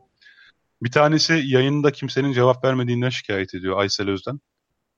Konu Ee. Valla biz de bilmiyoruz. Konunun ipin ucunu kaçırdık konu- ya. Evet çiftlik bankı konuşuruz diye başladık. Empati empati derken gidiyoruz şu an. Empati sempati. Ee, evet genelde Şimdi- devam kararı geliyor. Şimdi- Tabii şu an sampling bias yapıyor olabilir. Sadece devam edelim diyenler yazıyor olabilir. Hadi Sıkılanlar. 10 dakika daha konuşalım o zaman bu işleri. Yani bu e, ilginç şeyler bunlar ya. Şimdi bu, bugün işte ha- daha önce de haberler gelip duruyordu. Bu çiftlik bank nedir diye falan ben hiç anlamıyordum. Şimdi biraz merak ettim baktım yani. Çok acayip bir şeymiş. Hala akıl erdirebildiğimi söyleyemem ama bildiğin işte piramit şeması yani e, birbirine şey yapıp şebekeye katıp para kazanma olayıymış anlaşılan. Ben bunların yasaklandığını ben zannediyordum. Yani kanunen yasak olduğunu ama bir şekilde demek ki kitabına uydurmuşlar. Yani bu yatırım yapıyoruz bununla falan demişler herhalde. Adam şirketi nedir, Kıbrıs'ta falan kurmuş. Türkiye'de yapsa bir sıkıntı olurdu da Kıbrıs'ta kurmuş adam şeyi tezgahı. Öyle mi? Yasal boşluk var orada. O yüzden şu an ne SPK ne işte maliye falan bir şey yapamıyor. Anladım. Bu şey herhalde bilgisayar oyunu olarak başlamış. İnsanlar böyle çiftlik kuruyorlar. Hani Facebook'ta vardı öyle oyunlar. Ama bu işte çıkan yumurtasını, sütünü falan paraya çeviriyorlarmış bir şekilde. Nasıl oluyorsa yatırımı herhalde böyle alıp e, üretim tesisi kuruyoruz gibi bir şeyler yapmışlar. Tabii sahte olduğu anlaşılmış ondan sonra. Şimdi Ondan ben sonra o paraları alıp bilgisayar olan balansını bilmiyorum. Varsa bilen dinleyicimiz aktarsın. Ama benim bu konuda söyleyeceğim birkaç şey var. Söyle bakalım. Bir tanesi çok komik bugün gördüm. Bir ara buranın böyle dolandırıcılık olduğu ile ilgili söylentiler çıkınca o tombalak oğlan şey yapıyor. Cevap veriyor bir röportaj veriyor. Diyor ki tabii hakkımızda böyle söylentiler çıkar. Ülkemizde oynanan oyunlar, ülkemiz üzerinde oynanan oyunlar zaten biz en çok İngiltere'den tehdit alıyoruz. Ölüm tehditleri alıyoruz falan diye. Bak şimdi. Bir, Tabii. dikkat eder. İki. Tabii. Benim şu hayatta tamam mı? Bazı kötü ticaret maceralarım oldu sen biliyorsun. Sahtekar Yani, ortak evet. çıktı oldu bu oldu vesaire falan filan. Bir de bizim Yani. Tabii. doktora da Sera Özbaşar diye bir hocamız vardı sağ olsun. Hı. Bize böyle dersin adı çağdaş yönetim yaklaşımlarıydı. Ya bırakın çağdaş yönetim yaklaşımları ben size ticaretin aslını anlatayım deyip böyle bize süper şeyler anlatmıştı tamam mı? Ondan aldığım akıllar falan filan derken benim bu hayatta edindiğim üç prensip var tamam mı? Hı. Bir, bunu da Twitter'a da yazdım. Birileri kısa vadede fahiş getiri vaat ediyorsa yalandır. E tabii haliyle. Hani sana mesela bu çiftlik bankta da öyleymiş. 10 bin lira yatırıyor musun? Bir sene sonra sana 20 bin lira veriyormuş. Şimdi biz buna borçlanma maliyeti deriz tamam mı? Sana yani finansman maliyeti. Adam gerçekten 10 bin lirayı bir senede 20 bin liraya çevirebiliyorsa Hı. hatta daha fazlasını çeviriyor ki sana 20 bini veriyor. Ona da bir şey kalması lazım. Tabii. Diyelim 21 bine çeviriyor. Kendisi de sadece bin alsın. %110 kar demek. %110 maliyet demek bu finansmanın. Öz kaynağın maliyeti. Tamam mı? Hı. O zaman niye senden alsın ya? Giderim bankaya. Alırım oradan paşa paşa kendi 10 binimi. Hı. Zaten kendi 10 binimi yaparım 21 bin. E yani tabii Bankaya gayet öderim makul. 12 bin. Cebime kalır 9 bin. Ay bu da sağlam sağlam bir fikirse zaten banka niye vermesin bunu? Tabii ki verir bu parayı. Ya sağlam Demek fikir ki- olması önemli değil ki. Eşten dosttan borç alırım. Yani sana 20 bine vaat etmem. Eşe dosta derim ki abi bana 10 bin lira ver. Borç sana seneye 15 bin vereceğim. Aha senette imzalayayım derim. Hı. Yine 20 bin lira vermem 15 bin lira veririm yani. Değil mi yani tabii. Aynen Yani öyle. burada öz kaynak maliyeti dediğimiz bir problem var. Yani o problem dolayısıyla tamam mı? Yani hiçbir zaman inanmam böyle şey. İkincisi eğer böyle yenilerde tanıştığım birisi ya da bu ben de olabilirim Kaan tamam mı? Ya bana da güvenme. Kısa vadede fahiş getiri olduğundan bahsediyorsan bir işten ama ben girmemişsem tamam mı? Kaç. Madem öyle ben niye girmiyorum? Aynen Bir de böyle öyle, bir şey tabii. vardır. Bu çiftlik bank konusundan farklı bu konu. Tamam mı? Bir de böyle Tabii. bir şey vardır. Üçüncüsü de şeydir. Birileri sana bu senin başına da geldi. Seni de biliyorum. Bana da sık sık gelir. Böyle genelde bir işe danışmanlık yapmamı isterler ya da bir şey. Ücretlerimi sana da hisse verelim derler. Hı. Bu da yalandır. Tamam sana hisse verse 3-5 ne olacak? Karar gücün yok ayrı mesele. Doğru diyorsun. İkincisi tabii. karar gücün olsun olmasın o önemli değil. Diyelim ki şirket çok değerli. %3'ün %5'in iyi bir paraya karşılık geliyor. Adam zaten karar gücü adamda. 10 milyonluk bir sermaye arttırımı yapar. Seninki %5. 500 bin lira düşüyor payına. Sen o 500 bin liraya yatırabilecek misin? Hmm, Yatıramayacaksın. tabii. Yok, Yatıra- yatıramadığın için senin hissen dönecek %0,5'e. Tamam mı? O yüzden böyle durumlarda hisse hisse değil kardeşim. Ben ücretle çalışıyorum diyeceksin. Yani benim bu hayatta edindiğim 3 prensip. Tabii. Tamam. Ş- Şey, Sadık yok ya her zaman hisse kötü değildir demiş. Sadık teklifle mi geleceğim? Bize doğruyu söyle bak. Sadığa güveniriz bak. Ya her zaman kötü değildir evet. Her zaman kötü değildir. Yani e, bunların hiçbirisi her zaman değildir zaten. Belli bir şey payıyla konuşuyorum. Valla muhtemelen herhalde 3-5 arkadaş birbirine güvendiğin arkadaş oturup bir startup kuruyorsan öyle durumlarda herhalde hisse makul gelir. Ama onun dışında bir güç asimetrisi falan varsa senin dediğin gibi bir durumda yine açıkta kalırsın yani orada. Yapacak Ya yok şey o evet, başıma geldi de ondan söylüyorum zaten de. Yani Tabii. şimdi Aynen. gelelim meseleye çiftlik banka. Ya insanlar 511 milyon para kaptırmış buraya. 511 milyon. İnanılmaz bir şey ya. İnanılmaz. 1 milyar TL'nin yarısı. Of of of of of. Dolar olsa cari %1'i bir şey olacak. yani. Ya bak bu şey değil, bu saflık falan değil ya. Bu aslında yani kendini uyanık zannetmek biraz. Aa ne güzel işte bir koyacağım, on alacağım falan ya da iki alacağım. Böyle bir şey. Ya bunu Ha. yapanların hiçbiri mi bilmez yani böyle şey olmaz. Bu gerçek olamayacak kadar iyi falan demez mi hiçbirisi? Ya bu aslında şeydir, Der bak, uyanıklık. der bak Betül Ferikoğlu dinleyicimiz demiş ki az önce konuyla ilgili bir mevzu yaşadım. Ee, çiftlik banka para yatıran bir tanıdığıma yapma etme bu dolandırıcılık dedim. Adam inanmak istemedi. Bir sürü para yatırmış. Ben onu kurtarma amacıyla anlattıkça bozuldu. Ona hakaret ediyormuşum gibi hissetti. En son ikinci tip empati yeteneğimi kullanarak tamam abi haklısın dedi. Aferin. Bak, çare yok. Hızlı öğrenme feedback.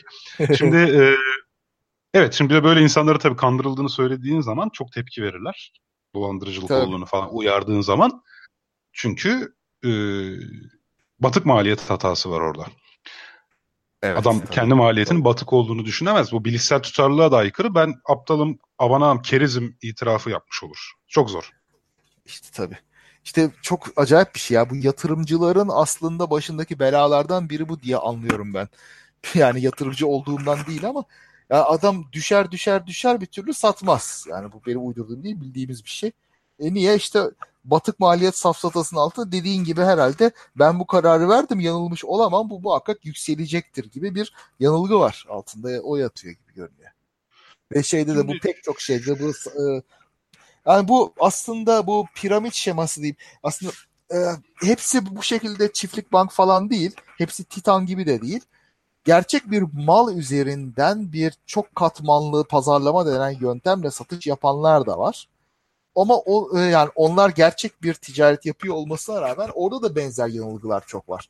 İşte Aslında orada da bir sade zinciri yapılanması var yani bir anlamda değil mi? Ha yani orada daha hüsnü niyetli davranalım. Sade zinciri bir dolandırıcılık. Bu dolandırıcılık değil de umutların fazla kabartılması, aşırı bir heves aşılanması gibi var. İşte sen 5 kişi alacaksın altına onlar 5'er kişi alacak ondan sonra böyle gidecek sen kralsın oğlum falan oluyor. O ha. işler o şekilde gitmiyor ama bir başladığın zaman içine girdiğinde işte A olacak A olacak. Ondan sonra diğerleri sana olmayacak falan demeye başladığında işte sen beni kıskanıyorsun aslında sen yapamıyorsun o yüzden falana geçiyorlar. Bir türlü kabul etmek mümkün olmuyor. İşin herhalde idamesini sağlayan da bu oluyor. Bu arada bu işlerde taktikte şudur bilirsin. E, sana kazanan insan örnekleri verilir. Hmm, tabii. O, tabii. Bak şu bu kadar kazanıyor şu an. Hele tabii. bu arada o, o sarmala girdiyse parasını kurtarmak için altına adam bulmak zorunda olan biri varsa çok kazandığı yalanını atar seni de çekebilmek için. E, o, bu çok klasik bir taktiktir. Aynısını aslında bak sözde bilimler alternatif tıp niye tutuyor diyoruz ya. Bir tarafta sana kemoterapi de oydu buydu tam iyileşme garantisi veremeyen zorlu bir yol var. Öteki taraf diyor ki ben seni bir haftada yeğderim. Tabii. Tamam mı? Şimdi Tabii. kolay para kazanma arzusuna niye bu kadar kapılıyoruz? Bu önemli bir soru. Bunun bayağı hmm. aslında yanıtı beynimizde gizli. Zaten şimdi mesela sokakta bul karayı al parayı yapan bir adamın hemen Tabii. yanında meyancısı vardır. Sen onun meyancı olduğunu bilmezsin. He. Meyancı gelir. O böyle para yatırıyormuş gibi yapar. Adam böyle şak şak şak kartları karıştırır. Bu parayı al parayı. Adam gözünün önünde böyle 50 lirayı koyar kartın üstüne. Vay be abi bildin der 100 lirayı alır. Tamam mı? Senin oh. beynindeki oh. o kısım ateşlenir. Senin beynindeki o ödül merkezi Oha lan azıcık emekle hayvan gibi ödül alıyor adam falan. Ben de almalıyım diye. O beyin o kısmı ateşlenir artık. O kısım ateşlendikten sonra düşünme falan kalmaz. Tamam mı? Evet. Çünkü bir yerlerde çok az emeğe karşılık manyak bir ödül var. Tamam mı? Beynin Tabii. o kısmı devreye girer. Hemen sen de gidersin kazanma ümidiyle kaybedersin. Kaybettiğin zaman hemen dolandırıcılıktan şüphelenmezsin. Orada böyle wishful thinking vardır tamam mı? Tabii. Dersin ki ya ben bir şeyi kaçırdım herhalde dur bir daha gireyim. Bir de şimdi kaybettiğin, az önce kaybettiğini yeniden kazanma hırsı da baş gösterir. Beynin başka bir yeri daha ateşleniyor tamam mı böyle. Beyin böyle ışıl ışıl. Bağlasan efemeraya. Tabii. Bir daha girersin hop lan bir daha kaybedersin falan. Kumar bir de böyle bir zincirdir işte. Adam en sonunda masaya yani varını yoğunu arabasının anahtarını yani kıyafetlerini koyar işte. Donla çıkar oradan yani. Hı. Of. Yani çok çok acayip ya. Yani neden e, emeksiz para istiyorlar? Onun cevabı kolay yani. Tabii ki çalışmadan para kazanmayı herkes ister. Ben de isterim. Evrimsel süreçte. Ama Şimdi yani... yer, yerde şurada 10 tane Hindistan cevizi var. Ötekisi ağacın tepesinde. Önce yerdekileri alacaksın tabii ki. Yani. E yani gayet normal. Ama yani gerçekten de böyle kafayı askıya alıp bu sefer kazanacağım, bu sefer kazanacağım demek orada garip bir şey var. Tabii hiçbirimiz bundan kendimizi kolay kolay kurtaramayız. Ben de görsem sokakta aa ne güzel falan derim ve bir yerden sonra tabii takılıp kalıyorsun kumarhane gibi. O yüzden hiç kumara bulaşmam yani. Korkarım yani bir başladım mı bırakamam muhtemelen. O yüzden hiç böyle aklı baştan kullanıp aklını kaybedeceğin ortama girmemek lazım. Herhalde akıllılığın tanımı biraz da o herhalde. Yani aklını kullanıp aklını kaybetmeyi engelleyeceksin. Evet. Yani burada buna şunu diyoruz. Prefrontal korteksini amigdalayı baskın hale getireceksin. Ha. Çünkü bak bu tür işlerde tamam mı? Bir amigdala sorumludur. İki beynin böyle dopaminerjik bir merkezi var. Ödül beklentisi karşısında ışıl ışıl yanan. Hı, tamam. O da yanlış hatırlamıyorsam ezbere konuşuyorum. Hatalıysam bilenler düzelsin lütfen. O da amigdalaya bağlı. Yani orayla etkileşimde diyebiliyorum ben. Ama hatalıysam e, düzelsinler. Umarım Çağrı Yalgın dinler düzeltir bir ara. E, aslında çevirdiğim kitapta vardı bu Nisan'da çıkacak olan da şimdi onu açarken çok sessizlik olacak onu yapmayayım. Şimdi e, peki amigdala diyoruz madem o zaman bir yolu daha olmalı insanları dolandırmanın. Nedir? Amigdala hangi duyguyu işliyor en çok? Ee, Valla nöroloji dersi alalı çok oldu. Hatta hiç almadım diyebilirim. O yüzden bir şey diyemeyeceğim. Ben söyleyeyim o zaman. Korku. İyi olur. Korku. Ha, korkutacaksın o zaman. Tabii. Bu yüzden insanları arıyorlar. Ben savcıyım, ben bilmem neyim. Adın bir hmm. suç dosyasına karıştı. Bu dosyayı kapatmamı istiyorsan hemen bana 50 bin lira çek getir falan filan diye. Adam savcı o... beni niye telefonla arıyor? Abi ya aradılar Allah. beni nasıl böyle bir elim ayağım boşaldı lan. Çok acayip bir şey. Arkadan telsiz sesleri, olağanüstü otoriter bir sesi var.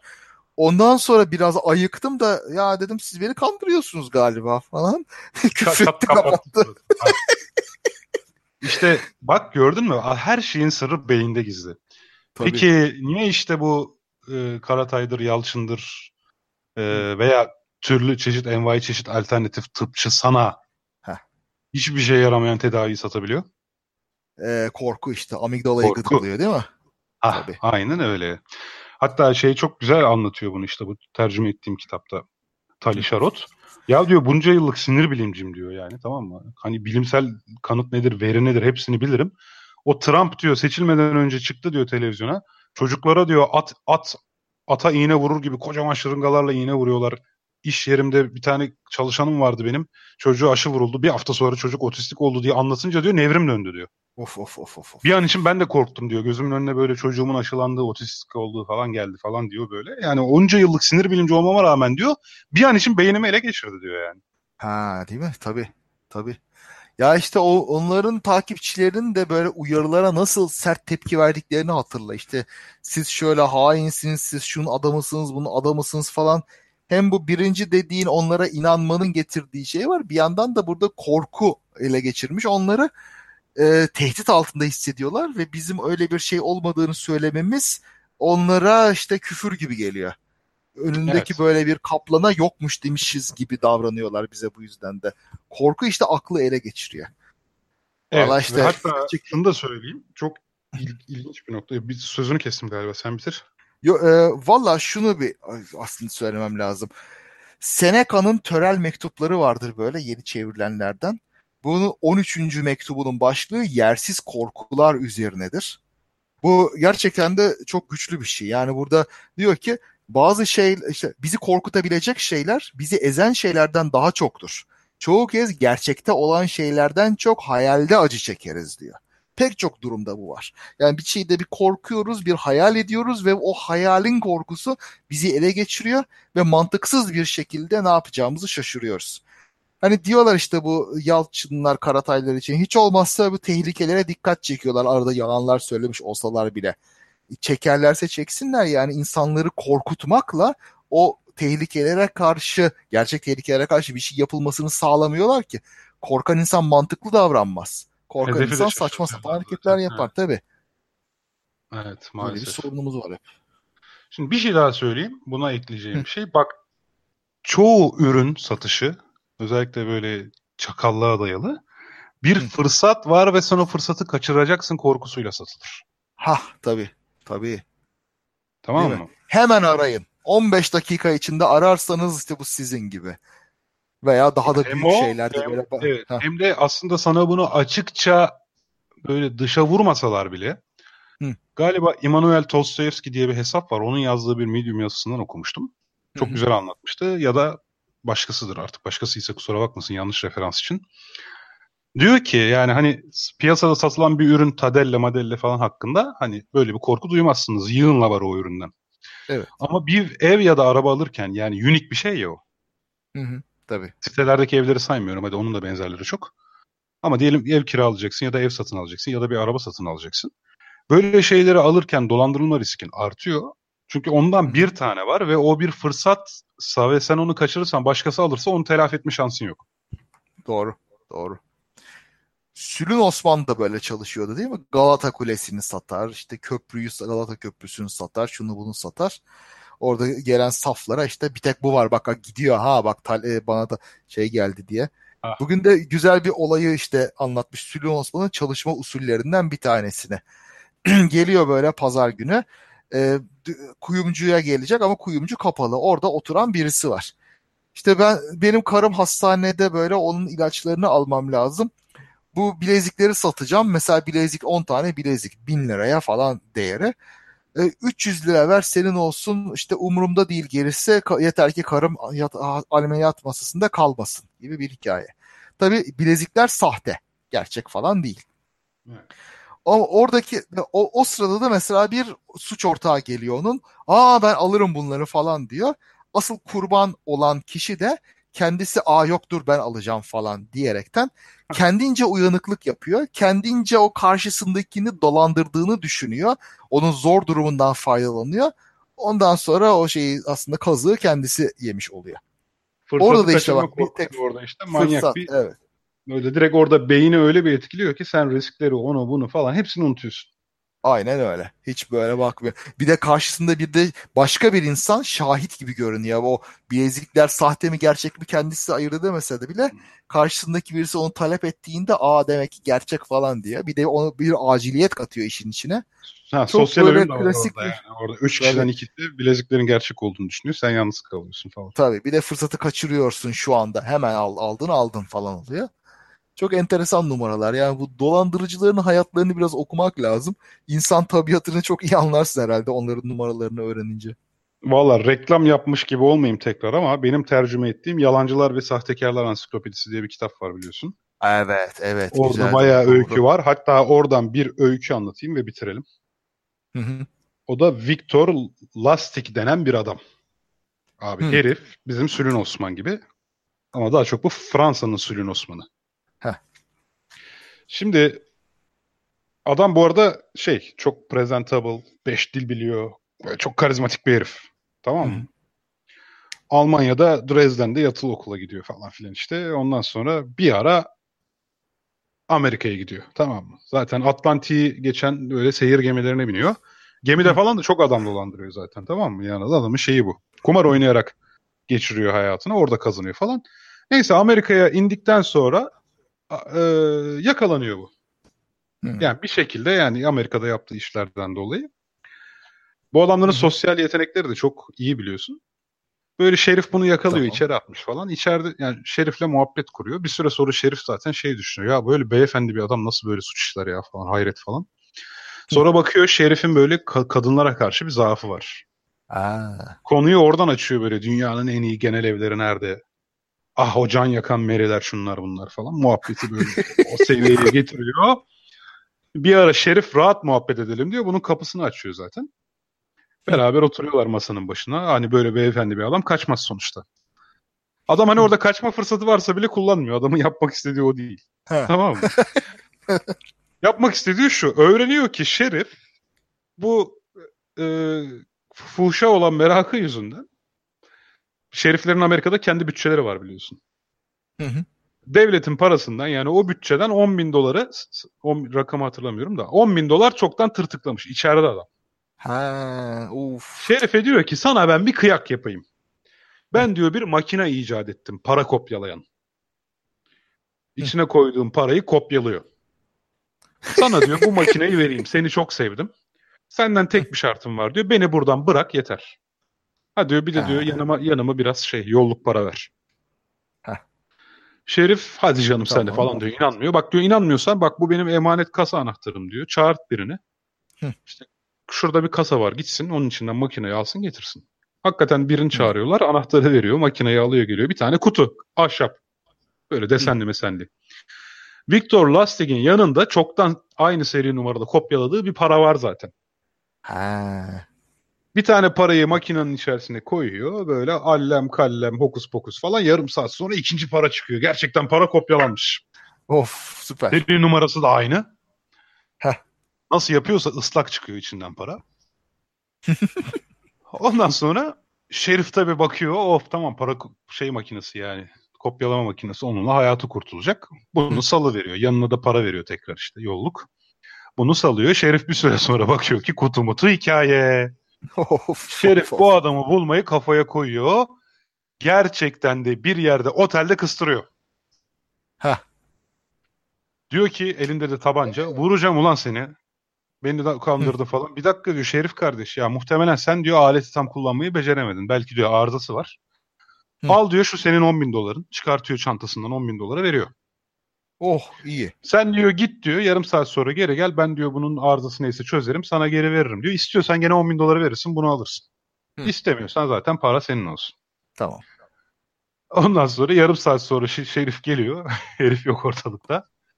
Neyse diyor en azından paramı kurtardım. Sonra Şerif'i sahte dolar harcamaktan yakalıyorlar.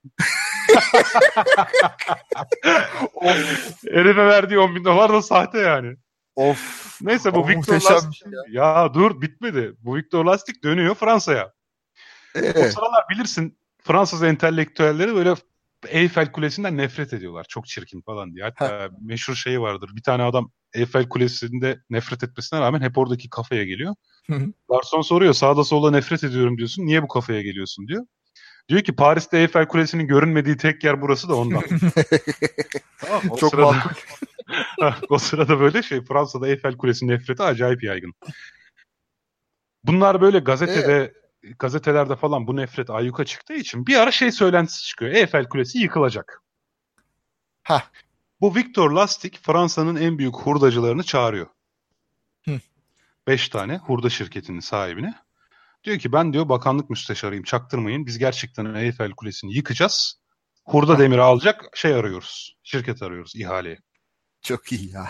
Bir tanesini gözüne kestiriyor artık hangisi en safsa ya da en aç gözlüyse. Hatta en aç gözlüyse muhtemelen.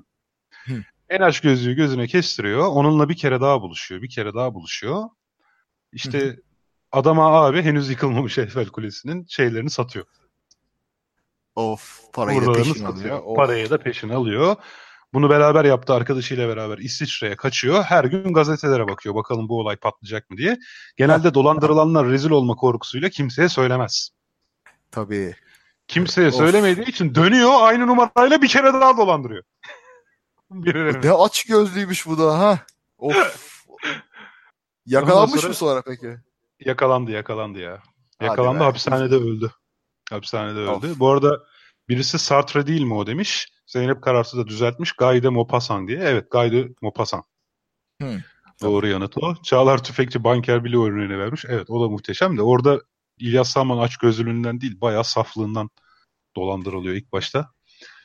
Valla Ee, başkasını bilemem de bu tür dolandırıcılara biraz böyle sempati de duyuyorum. Yani dolandırdıkları çünkü Hayranlık ne bileyim dul yetim bence. falan değil. Gerçekten de aç gözlü, doymak bilmeyen, kendini uyanık zannedenler falan oluyorlar. Bir şekilde sanki adaleti yerine getiriyorlarmış gibi bir hissim de oluyor bir şekilde.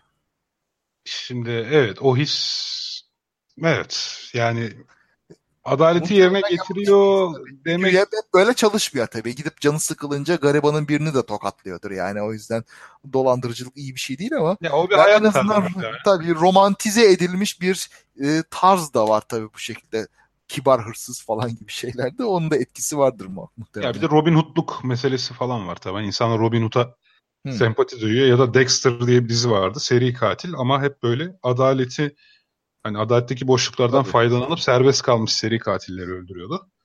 İşte Evet. o zaman destekliyorsun tabii adamın falan arkasında oluyorsun. Bir şekilde Doğru. o intikam Sadece duygusu çok empati yapabildiğim bir duygu işte. Doğru diyorsun. Sadece onları biliyorsan, sadece suçluları cezalandırdığını görüyorsan tabii adama iyi bakıyorsun ama tabii senin bilmediğin ne gibi şeyler, kötülükler yapıyor o ayrı mesele. Abi bir de çok ilginç. Bak yıllar yıllar evvel böyle otobüse bindim. Yaşlı bir amca. Hı. O kadar sevimli böyle tonton bir amca. Değil mi? E, işte böyle otobüste yanıma geldi. Konuşuyor benimle. İşte nerelisin diye. İşte ben o zaman Afyon Emirdağlıyım dedim. Afyon mu ben de oralıyım falan dedi. Da, oralı falan değil. Tamam mı? Hı. Ondan Hı. sonra ya hemşerimsin sen benim. Ya sen söylesene bak ben haftaya Afyon'a gideceğim sana sucuk getireyim falan böyle tamam? Benle böyle mu- süper muhabbet kuruyor falan. Hı. ya dolandırmak istediğini çok net anlıyorum ama abi yani o kadar sempati o geldi ki bana yani o öğrenciliğim yeni bitmişti. İş, işimin ilk yılıydı. Hı. O tarihin parası 20 lira şimdinin 100 lirası. Dolandırıldığımı bile bile amcaya verdim. Güzel. O kadar sevimliydi Ne dedi? yani. Yol parası mı istedi? Ya bilmiyorum ya yanında para var mı benim işte ihtiyacım var gibi mi istedi. Nasıl istedi hiçbir fikrim yok. Ha. Tamam? Yani bunu hani acındırmak yoluyla falan filan da değil. Öyle böyle sevimli muhabbet kur. O kadar sevimli istedi ki böyle göz göre göre verdim. Resmen be- beynimi etkiledi yani resmen. Çok, çok güzel ya. Bağlama çekmiş yani aslında. Ha, Valla bir şekilde bağlama çekti böyle göz göre göre. Göz göre göre dolandırıldım ya. Çok il- ilginç bir şeydi yani. Aslında benim çok büyük bir dolandırılma hikayem vardı. O çok uzun. O artık başka Ha. zaman. Bayağı vakit Tamam. geçti. Başka zaman yaparız. Saat on buçuk olmuş zaten. Evet bugün çok yavaş yavaş uzun uzun konuştuk. Çok seni konuşturmadım gibi geldi. Kusura bakma eğer şey ettiysem. Yok yok senin bildiğin konulardı. Sen konuş zaten. Telafi O ederiz zaman- ondan sonra. Ederiz ederiz. Bazen sırf seni dinliyoruz. Güzel oluyor. Sağ ol. Evet. O zaman haftaya salı programımız yok. Çünkü pazar günü canlı gösterimiz var. Evet. Bir duyurumuz bu olsun. Doma bekleriz tüm dinleyenlerimizi. İkincisi de Safsata kitabım yazın çıkıyor. Yayın evinden onay geldi. Takvime alındı. Çok güzel. Bu da Çok ikinci şeyim olsun. Ha Furkan Vallahi Ergenç bize Discord açalım, Discord açalım diyorduk. Furkan Ergenç adlı dinleyicimiz bize Discord açmış. Twitter'dan bana yazmıştı. Ben ona cevap vermeyi unuttum. Hı. Bazıları dedi ki Discord değil de Slack daha iyi bir platform dedi. Daha uygun size dedi Slack. O yüzden Furkan hala sana yanıt veremedim. Bir de Slack'e bakacağım. Hatta mümkünse istiyorsan sen bak hangisi daha iyi. Sen fikir öner. Bu işlerde uzmansan. Sağ olasın bu arada. Teşekkürler diyelim.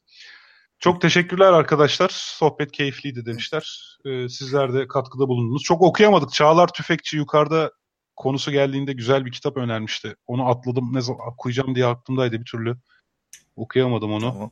Ha Cordelia Tamam. Fine'ın Toplumsal Cinsiyet Yanılsaması kitabı var. Sözünü ettiğiniz empati konusuna güzel değiniyor diyor. Kadın erkek arasındaki empati farklarına değiniyor anladığım kadarıyla.